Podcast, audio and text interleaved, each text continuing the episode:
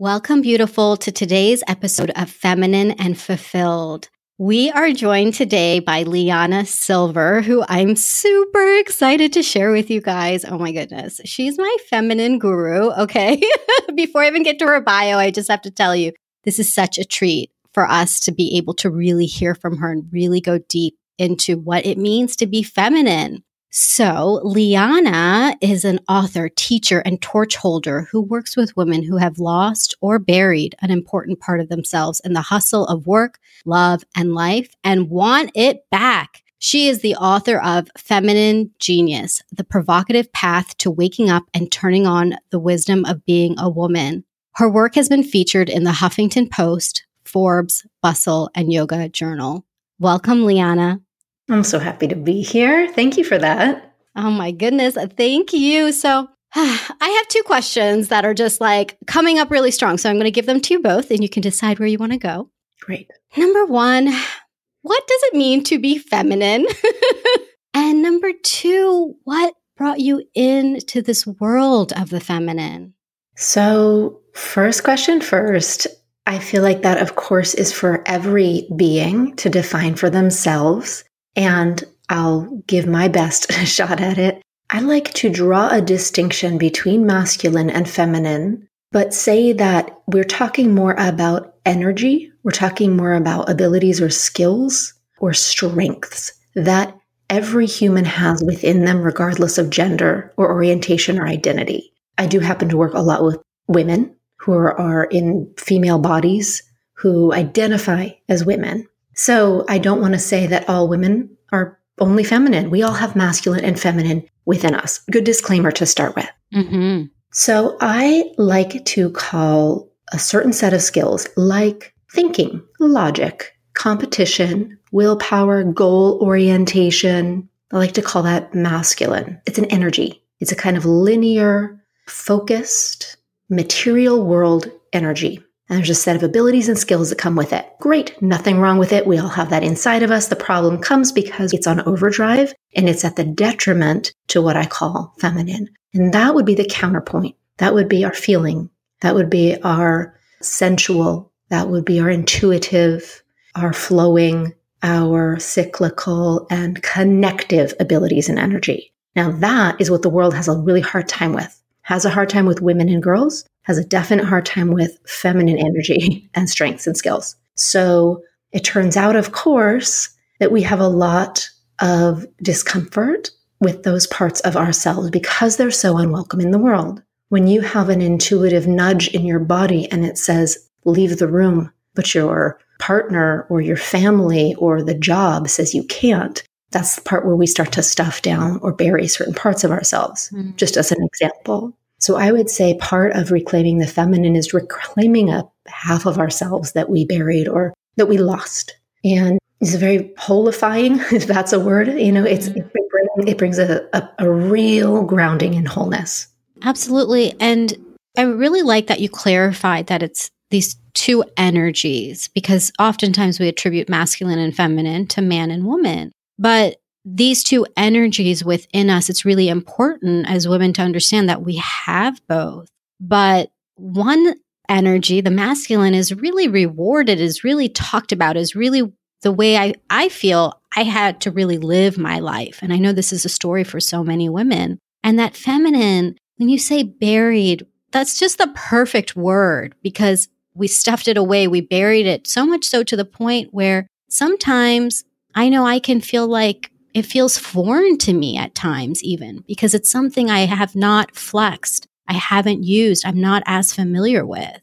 So true. So, so true. So it can feel really awkward at first. And you know, the bulk of my work is working with mostly women, sometimes men, mostly women who are unburying and finding new feminine muscles, so to speak, and realizing the intelligence of things that have heretofore or in the past been considered weaknesses. And it's weird and awkward and unusual and paradoxical and confusing for a while. And then it starts to become really balanced with all the masculine strengths that we've got and really kind of a new normal, I'd say. So, yes, it is a little new at first. But I will say it catches on so organically and naturally because it feels more like you. It feels more true. And it feels that there's more energy or vitality or life force. So then it reinforces the cycle, which is helpful. You kind of get addicted in a very good and healthy way. yes. And I know about that. I, and I'm really looking forward to talking about that. yeah. How it is actually really fun when you start to uncover it and tap into it. So, LiYana, tell us your journey into your feminine genius. So, that's question two, right? I was thinking, mm-hmm. I think I've already forgotten question two, but thank you for the prompt. so, I definitely yeah, I feel I follow in exactly the same footsteps as you just described, as most women feel, women I work with, where I, I mean, I grew up in a very open minded, supportive, wonderful family and community. And I still grew up in the same world and dominant culture that we all did. And so I also got the message, these paradoxical messages about being a girl and a woman or about having feminine attributes or energy that I learned, of course, to bury them or diminish them just like everyone else did. My particular story is that I followed in the footsteps of my mother, who is a dancer, and dance is um, doesn't always have to be this way, but it was for me a incredible, creative, and outpouring of a love for movement and expression, and a way to have a very intimate and intricate, wonderful relationship with my body. At the same time, it was a place where you had to be, get everything absolutely right. And the aesthetic in the dance world is a prepubescent body, mm. which is more like a prepubescent male body, which, you know, some bodies are suited to that. And mine, a little bit later, more actually a little after puberty, started to get curves. And so then I developed this warring relationship with my body that I couldn't have breasts or curves because that was not hireable in the dance world. So then it really started to feel like my body was betraying me and that my natural body, my natural hunger for eating things rather than eating nothing, for rest or kind of going with the natural impulses and urges of my body were antithetical to my dreams. And so it sort of set up this war not only with my body, but with a lot of parts of myself that I later came to find or maybe define as feminine for myself. And it took years and years to stop rolling my eyes at what seemed to me to be just weaknesses about myself, but actually start to see them as strengths and as genius. Can you give us some examples of those? Yeah, I remember one time, and I was in a yoga teacher training at that time, spending a lot of time working with the body and with some really interesting philosophy. So, Vedic tantric philosophy is the, the philosophy behind yoga, which is, you know, a, a system of being in your body that really readies the body for a meditative life, for a self reflective life, for an aware, conscious life. So, spending a lot of time in the physical, kind of in the feminine, anyways. And one afternoon after that training, I was talking to my then boyfriend, now husband, and he was working on buying a company. And he had been deep in their profit and loss statements, looking over the bones and the scaffolding and the structure of the company in order to see, you know, it, was it something that he wanted to buy or buy a part of? And he really had come out looking it all over, all those facts and numbers and logical details and come out as, yes, it seemed really sound. And at the last minute, he said, So what do you think? You know, what, ask your body, what does your body think? What does your body say? And I never, you know, seemed like a, a harmless enough question to me, checked in with my body, and I got a very clear no. And so I said, You know, you may go through with it, but I get a no. And then it turned out that a couple days or even a week later, it turned out that a lot of what he had been reviewing was falsified. And if he had gone through with it, he would have lost a lot of money. It would have been a financial disaster. And I realized in that moment that my body and my intuition, my instincts were tapped into a kind of intelligence and information that the logic of the mind and all the pie charts and graphs and really logically sound information was not. And so then I thought, there is something so trustable in me that I've learned to override or disregard in the face of the masculine that is really genius. So that's just one example of having to do an about face, a total 180 degree turn on these aspects of ourselves. Wow, that gave me chills when you shared that story. I mean, my whole body was tingling all over, which I have now learned is the feminine energy, being very yes. aligned and attuned. And wow, I mean, if you were to put that story on paper or that conversation, it looked like everything checked off, but your body, trusting your body, and for it to have known that, my goodness, and to have saved you and your husband from, you know, financial ruin possibly is, I mean, I don't know any other word to use except miraculous. Right. And you know, we can't always go exactly with what we feel, and our intuition is one channel of, of information. So I talk so much about leading with our feminine energy or feminine genius, as I call it, and having our masculine genius be in support of that. So it's a balance. But because we don't want any part of us out, we don't want to throw the logic out, or we do got to look at the profit and loss statements. You know, we do if you have to. I mean, it's not particular where my genius is, but you know what I mean. We want to include masculine genius in all this. And we must reverse the order. We must lead with it. We must be foundationally grounded in it because A, those muscles for all of us are so much weaker. We have to strengthen them. But to be a little esoteric for a moment, we, I find feminine genius, intuition, feeling, connectivity, all those aspects, they are quieter, more subtle, and they get drowned out easily by our own masculine and by the masculine genius of the world. Mm. So put it first. We give it a chance to be heard. And then we say to ourselves and the world, this energy is what needs to lead. This is tapped into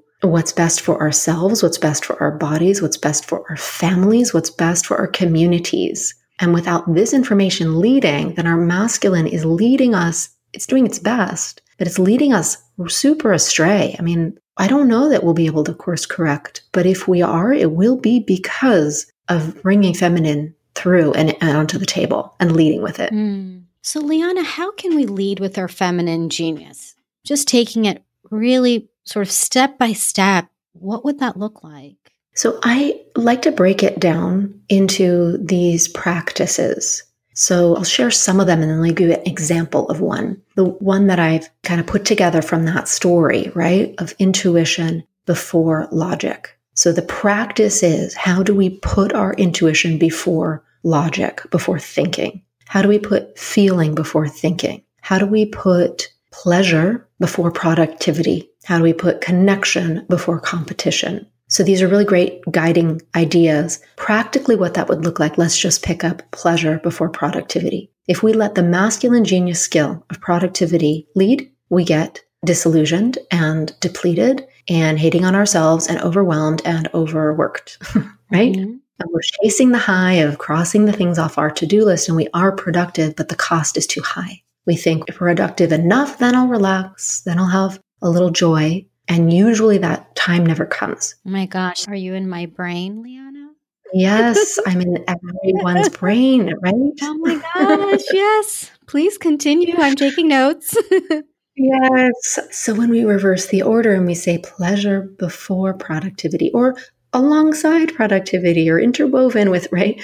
What that practically can look like. And this takes a little dismantling. We all have our guilt or shame or being really scared of pleasure, of our bodies relaxing or enjoying. And will I take my eye off the ball? Will I let the people down in my world that are counting on me? Will I become selfish? And so we need to bust those myths. They actually are all busted pretty quickly. But what that looks like practically is then maybe you start your productive work day or your parenting day with something that is distinctly pleasurable to you in your body. And maybe it's a walk in nature, or maybe it's 20 minutes of meditation, or maybe you put on 80s Madonna and dance for a song before you sit down to it. It might also be that you take breaks in the day to move out of your mind and back into your body and feeling. You know, you take some time to really taste your food or smell your cup of tea, sort of come back into the senses and the body.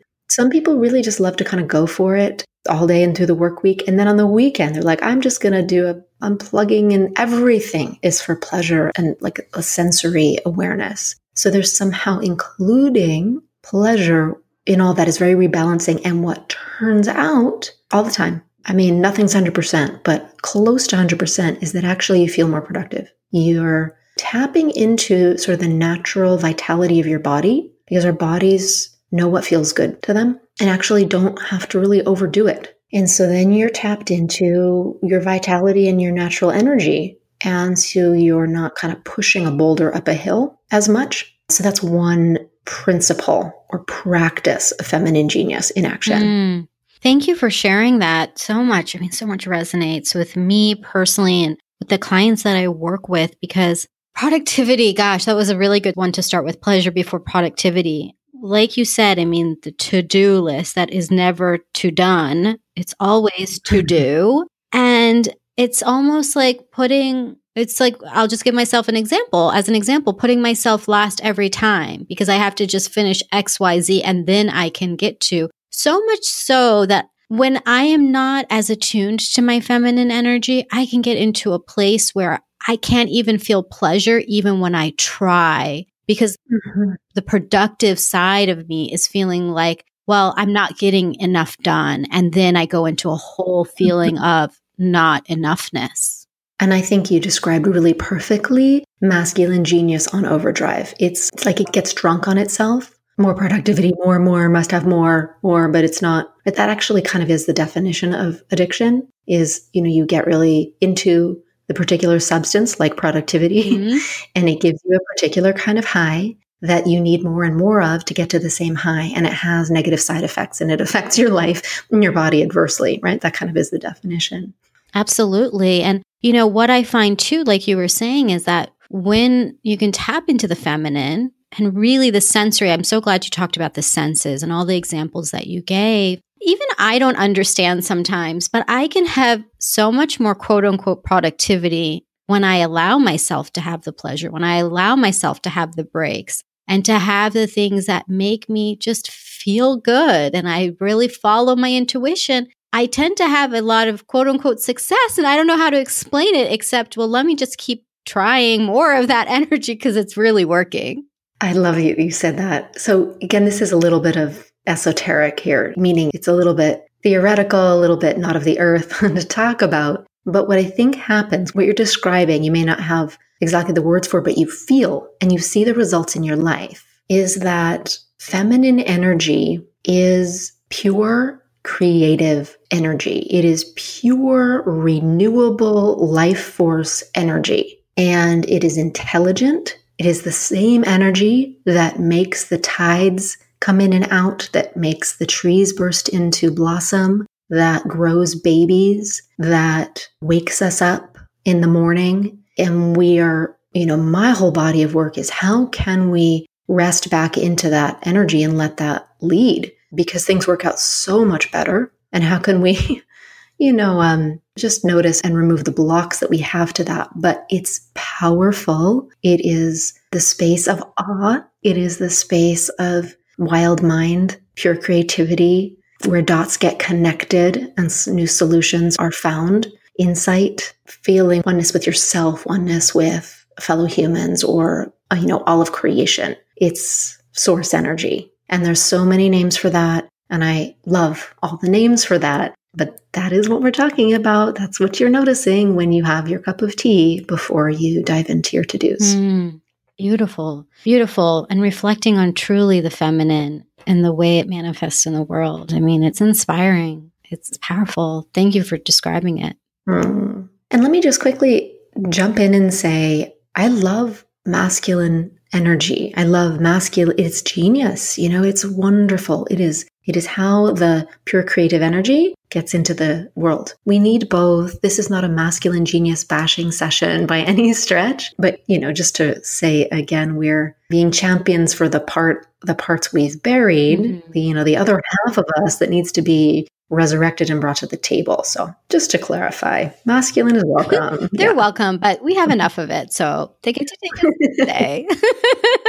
yep. So, speaking into more of the feminine genius, one of the things that really stood out to me when I'd read your book, Feminine Genius, was the nature of the feminine being cyclical as opposed to mm. linear, which is very masculine. Could you speak more into that?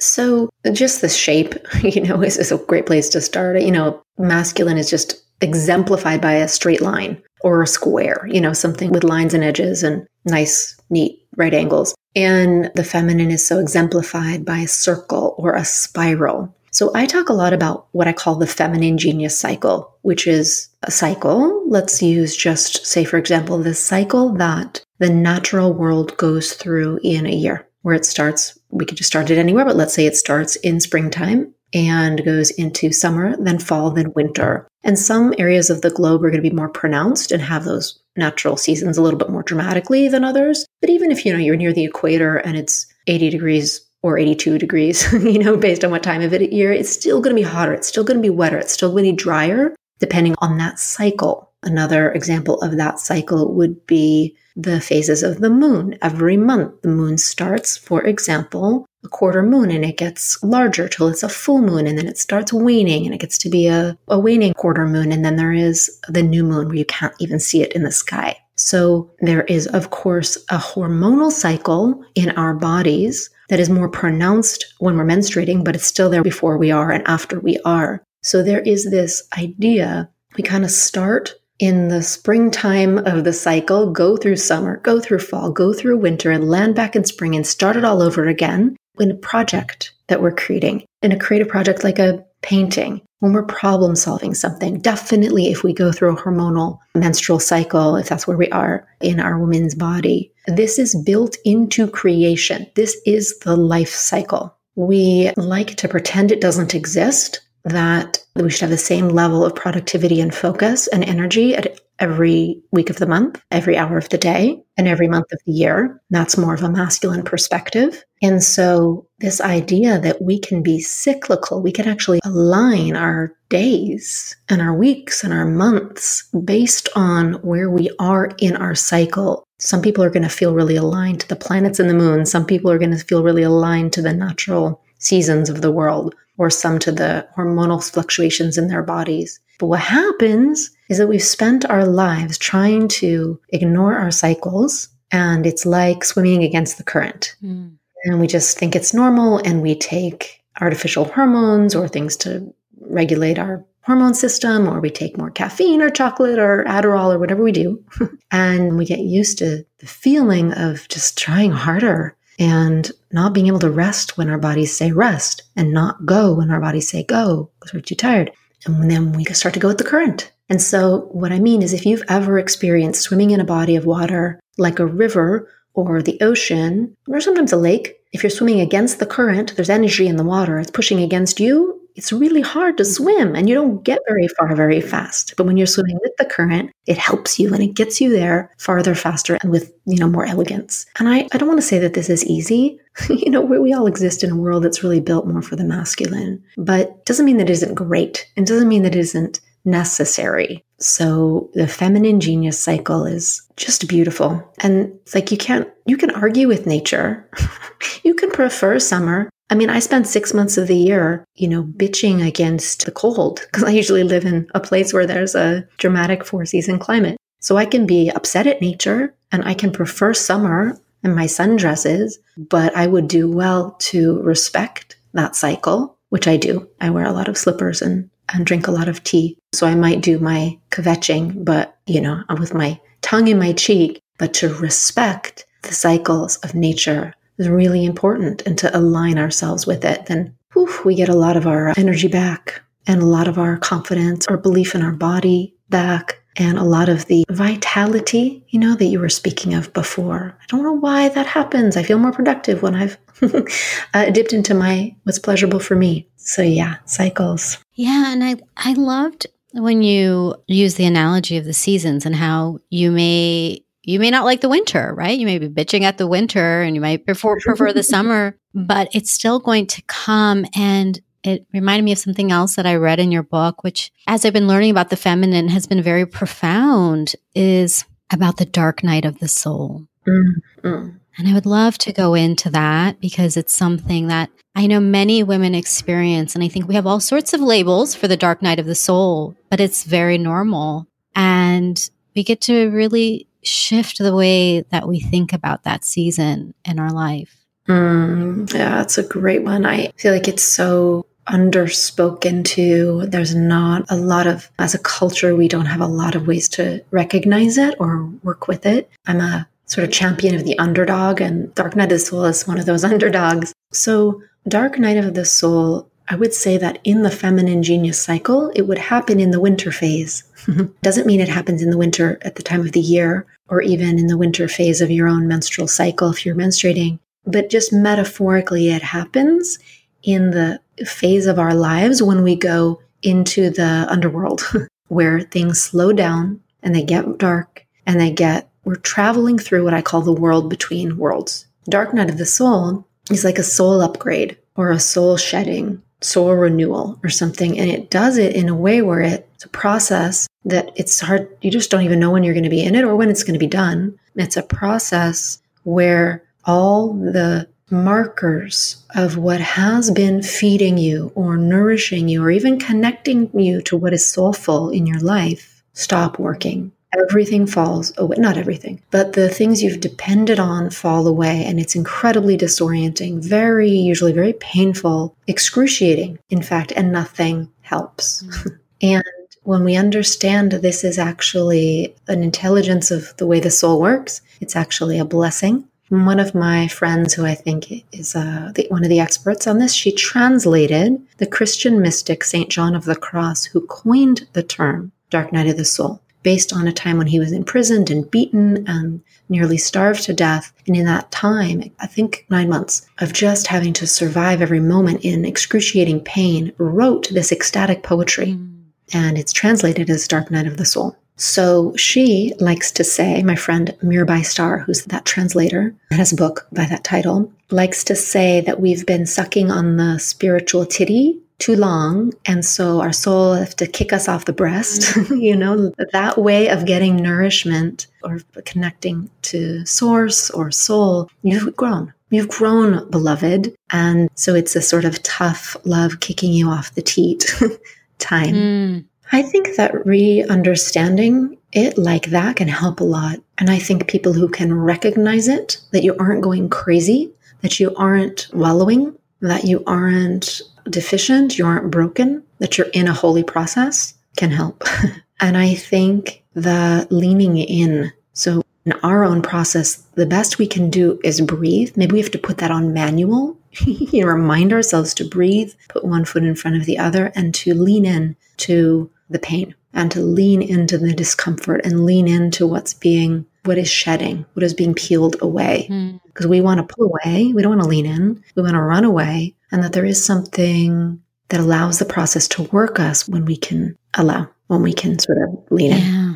Thank you for sharing that because this is the piece that I see so often with women and myself included. And it can be a space where, like you said, somebody else may say stop, or you might even feel like, well, I have depression and not a knock to being depressed. But hmm. I think the language that we use around it doesn't allow us to be in this. The way you've described it is really a spiritual transformation. I mean, something greater, something bigger is there for us. And I know for me, this happened to me in 2017. It was last year. And I was in hmm. such a dark night of the soul. And I, I felt like I was flailing. I just felt like everything I was trying wasn't working out. I just didn't feel good and I didn't understand why. And I kept judging myself and judging myself and judging myself. And it was this bad spiral because I wasn't able to lean into it. I don't know that I had the tools at the time to really understand what was happening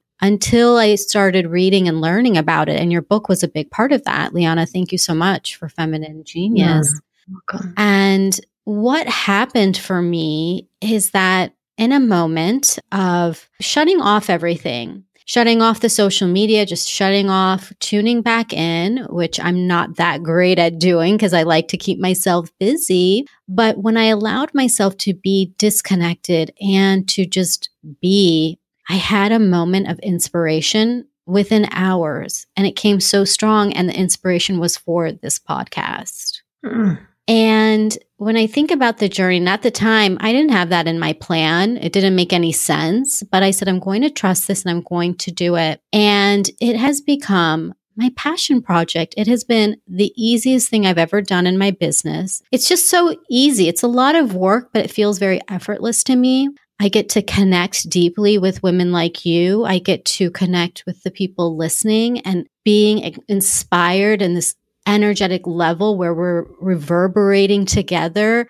I mean, it's beautiful, it's fun, it's exciting, and and it's just it's awesome. And then I was just recently, I was telling you earlier, I, I was recently named on the top 12 Muslim podcasts in the world. And I'm like, well, great, that's awesome. And mm-hmm. people yes. are coming from everywhere. So I'm sharing all of this because the dark night of the soul isn't something to be afraid of or to judge. And I want to let people know who are listening that if you're in it, to really lean in and LiYana is a great resource to really find the light if it's feeling like you're flailing or it's feeling like it's been never ending because it will end and it's for your best. It's just it's a season and it's it's a tough season. I'm not going to lie. It's a tough season. But then the next season comes and it's just so much so much clearer in uh, one of my mentorship programs, we have a little mantra. We tell each other, spring always comes, spring always comes, spring always comes,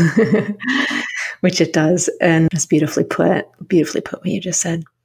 So, LiYana, how can people learn more? I want them to reach out to Dark Night of the Soul if that's what is happening or whatever season they're in. I want mm-hmm. them to come to you. Mm-hmm. So, how can they find you? Because I know you have some really good resources for the women listening. Well, let me say that just easy peasy. If anyone does Facebook, it's facebook.com slash feminine genius. So that's, you know, one of those great virtual campfires we can gather around. My website is liyanasilver.com. I know you'll have this in the show notes, but it's L I Y A N A silver, S I L V E R dot com. And um, so, you know, you mentioned my book. It's called Feminine Genius, and that's at liyanasilver.com dot com slash new book. And go there check it out. You kind of get a feel for what it is. You can't buy it from me. You get you know like buy it wherever books are sold. I don't sell it myself. Weird thing about having a book. Um, but if you buy it if you want to buy it and you come back to that page liyanasilver.com slash new book and you put in just let us know where you bought it you know your brick and mortar independent bookstore down the street or amazon or barnes and noble online I just let us know where, and then I'll give you some bonuses that go along with it. There's some material that didn't get in the book that was a little too rebellious, and a guide for creating your own book club, etc. So that, and it's a great way for us to meet and stay in touch. I have a new online course, and that essentially takes women through, I would say, the last third of my book. It's kind of a compendium to the book, and it's called Feminine Genius at Work. And it's essentially for women who again have lost these parts of themselves, right? In the hustle, especially of work and of life and of love, and want a way to bring feminine genius into their work. And doesn't really matter what your work is. Work is, you know, your love made visible. It could be you're a coach, could be you're an entrepreneur in corporate, a mama. But what we want to stop is that doing what you love, burning you out. too much masculine. And so the whole course is designed to take you through some of the principles we talked about today of putting pleasure before productivity, putting connection before competition, putting what I call devotion before willpower, intuition before logic. So the whole course is designed to bring your feminine genius into your work life, love life, life life. And that you can, oh, I want to say two things about that. You can kind of get a feel for that if you go to liyanasilver.com slash FGW feminine genius at work, just made easy, FGW. And if that's a video series that'll kind of walk you through it, it's training, little little training ground. But if you decide to join us for the course, then I really like who does not like a mm, discount? You know, who does not like a thank you parting gift? Yeah. So I'll give you this code to use and you can stick it in the show notes as well. But if you decide to join us, which would be delightful, can't wait to meet you. and then this will give you, I don't know, I think it's like 38.67% or something. I don't know, but it lowers the price really nicely and it's FGW950 and check out the show notes and then copy and paste bad boy. Uh. And the thing is, I, you know, I'm on Facebook and I answer emails and I um, really love to connect deeply with the people who I get to work with. So, you know, I can tell sometimes when I'm, I get to be in your lap by a book can feel it.